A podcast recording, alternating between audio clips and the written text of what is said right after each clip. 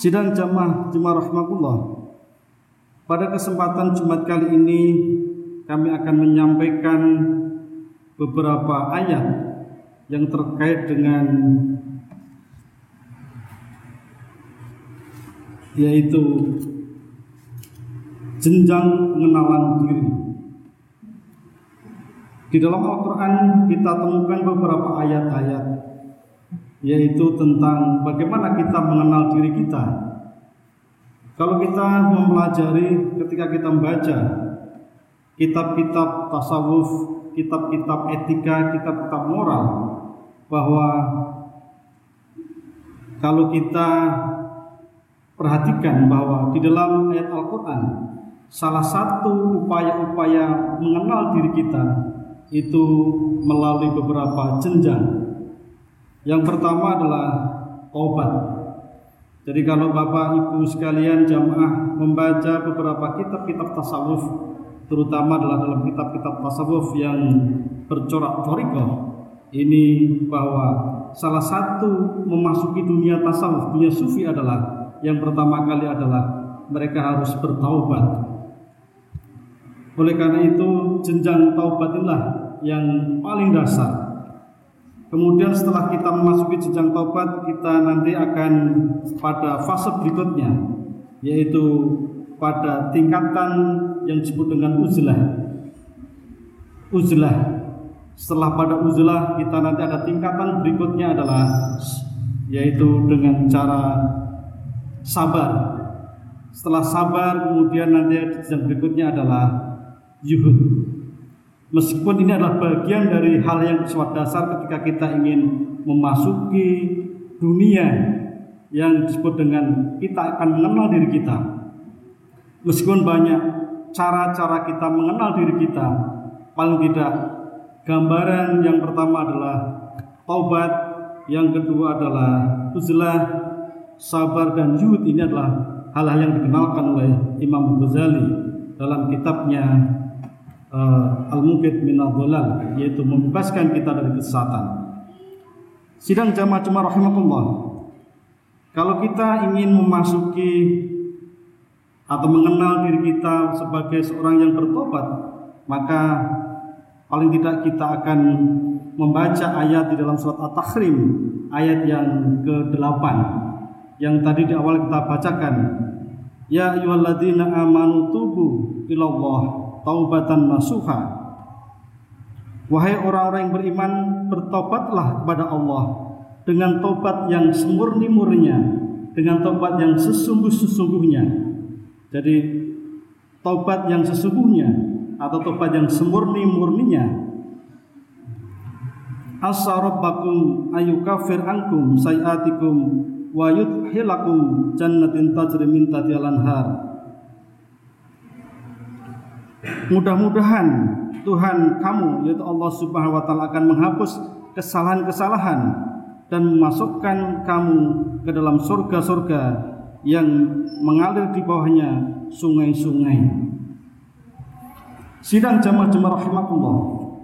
Tobat kalau kita artikan dalam bahasa kita yaitu kembali.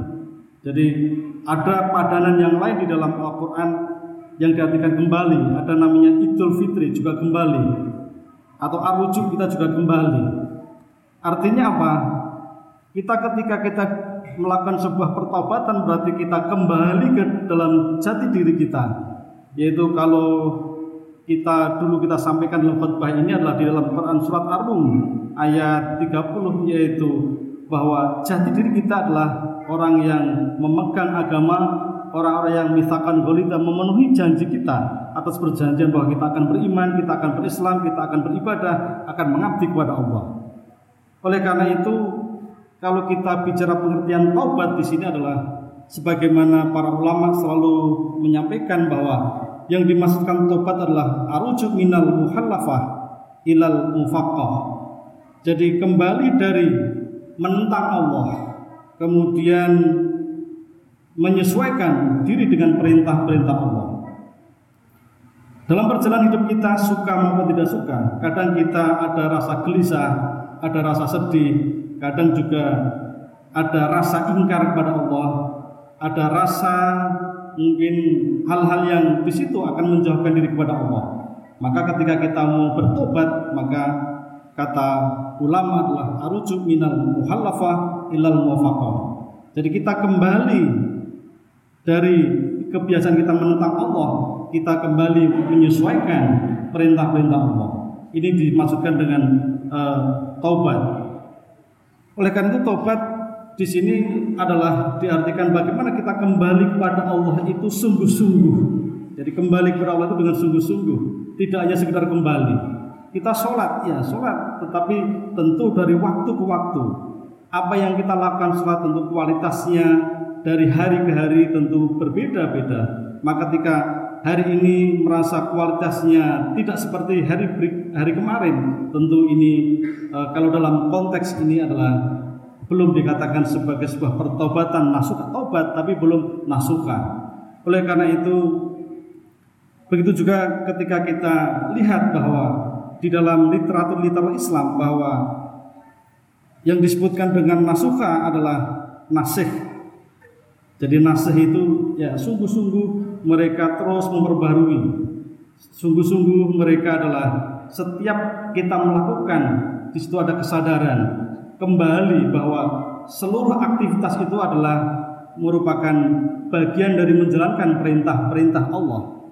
Bisa jadi ketika kita selalu karena rutinitas itu kita sholat jamaah, kita sholat sunnah, kita sholat ini dan sebagainya, tetapi karena itu rutinitas sehingga kehilangan apa makna bahwa mereka adalah sesungguhnya rutinitas itu bagian dari menjalankan perintah-perintah Tuhan, perintah-perintah Allah Subhanahu wa taala. Maka tentu kesadaran itulah yang kemudian coba kita terus kita update, kita perbarui.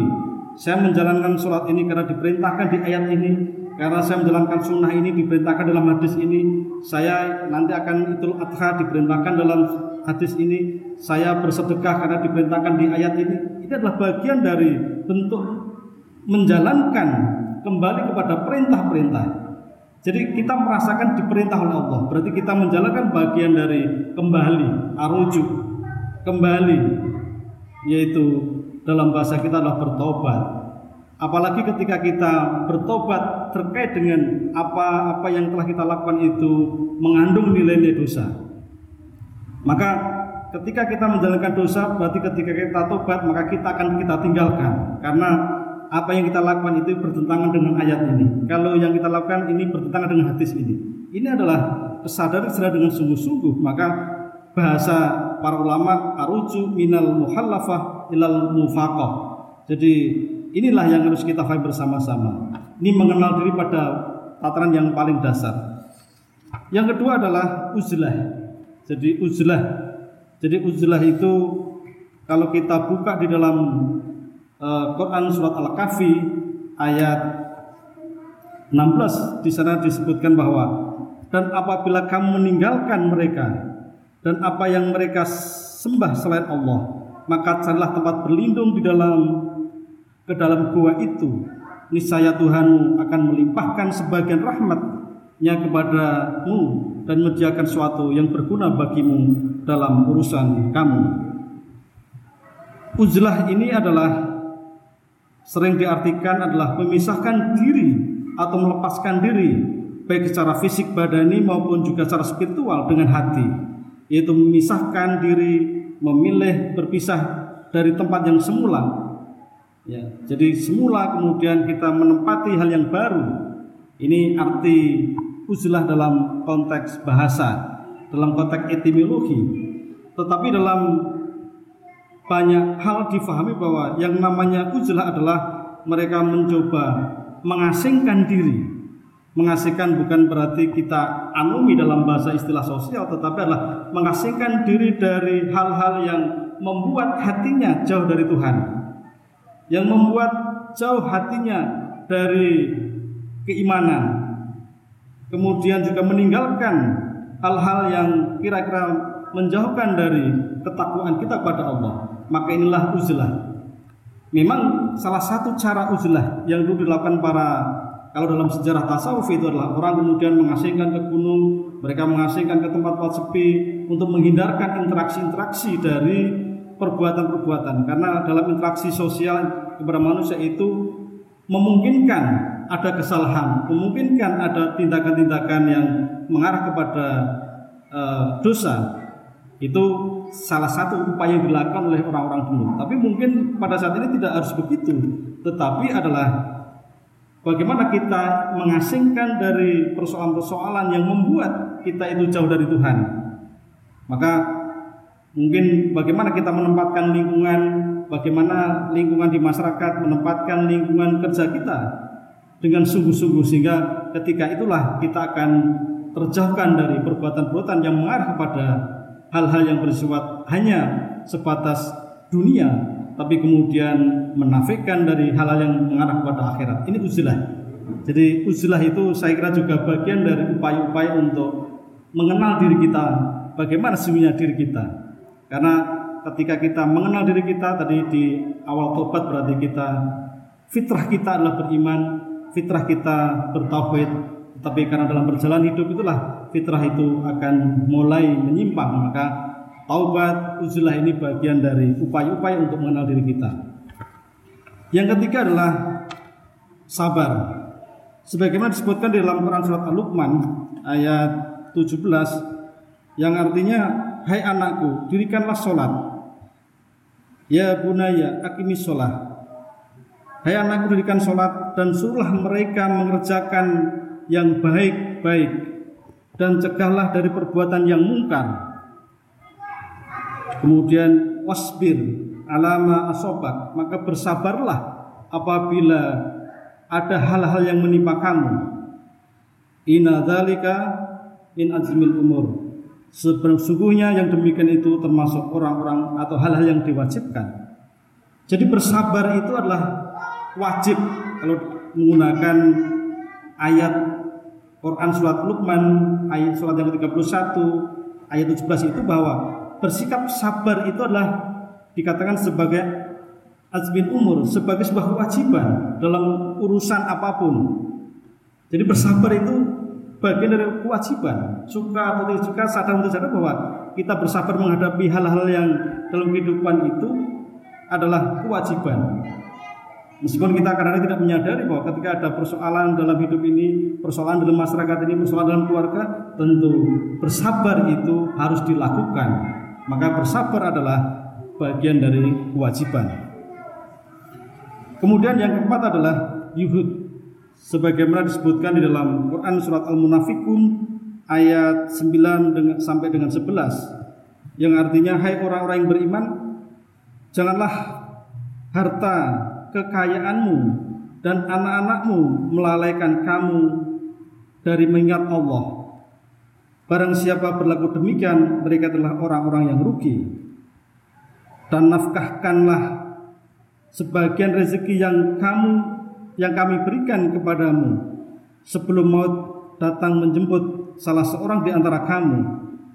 Dan ia akan berkata Mengapa engkau tidak memberi waktu kepadaku barang sejenak aku akan bersedekah sebanyak-banyaknya dan akan menjadi orang-orang yang saleh tetapi Allah tidak akan menangguhkan waktu seseorang bila ajal yang menentukan pada sampai waktunya Allah tahu benar apa yang kamu kerjakan. Sidang jamaah Jumat rahmatullah mengenal diri yang keempat adalah yuhud. Saya kira istilah yuhud sudah tidak asing lagi. Yuhud yang selalu diartikan bagian dari lawan dari mal atau harta. Maka yuhud selalu diartikan sebagai ar-raghaba an syai'in wa tarakuhu yaitu tidak tertarik kepada sesuatu yang meninggalkan sehingga yud itu selalu diartikan sebagai orang-orang yang menjauhi dari kesenangan kesenangan itu adalah yang cukup dari materi jadi orang membatasi kesenangan kita punya mobil kita punya rumah mewah itu kesenangan itu dibatasi dalam hati kita. Kita membatasi kesenangan itu. Meskipun itu menjadi kita, tapi kemudian kesenangan itu dibatasi. Maka itulah bagian dari hal-hal yang dinampakkan sebagai sesuatu yang yuhud.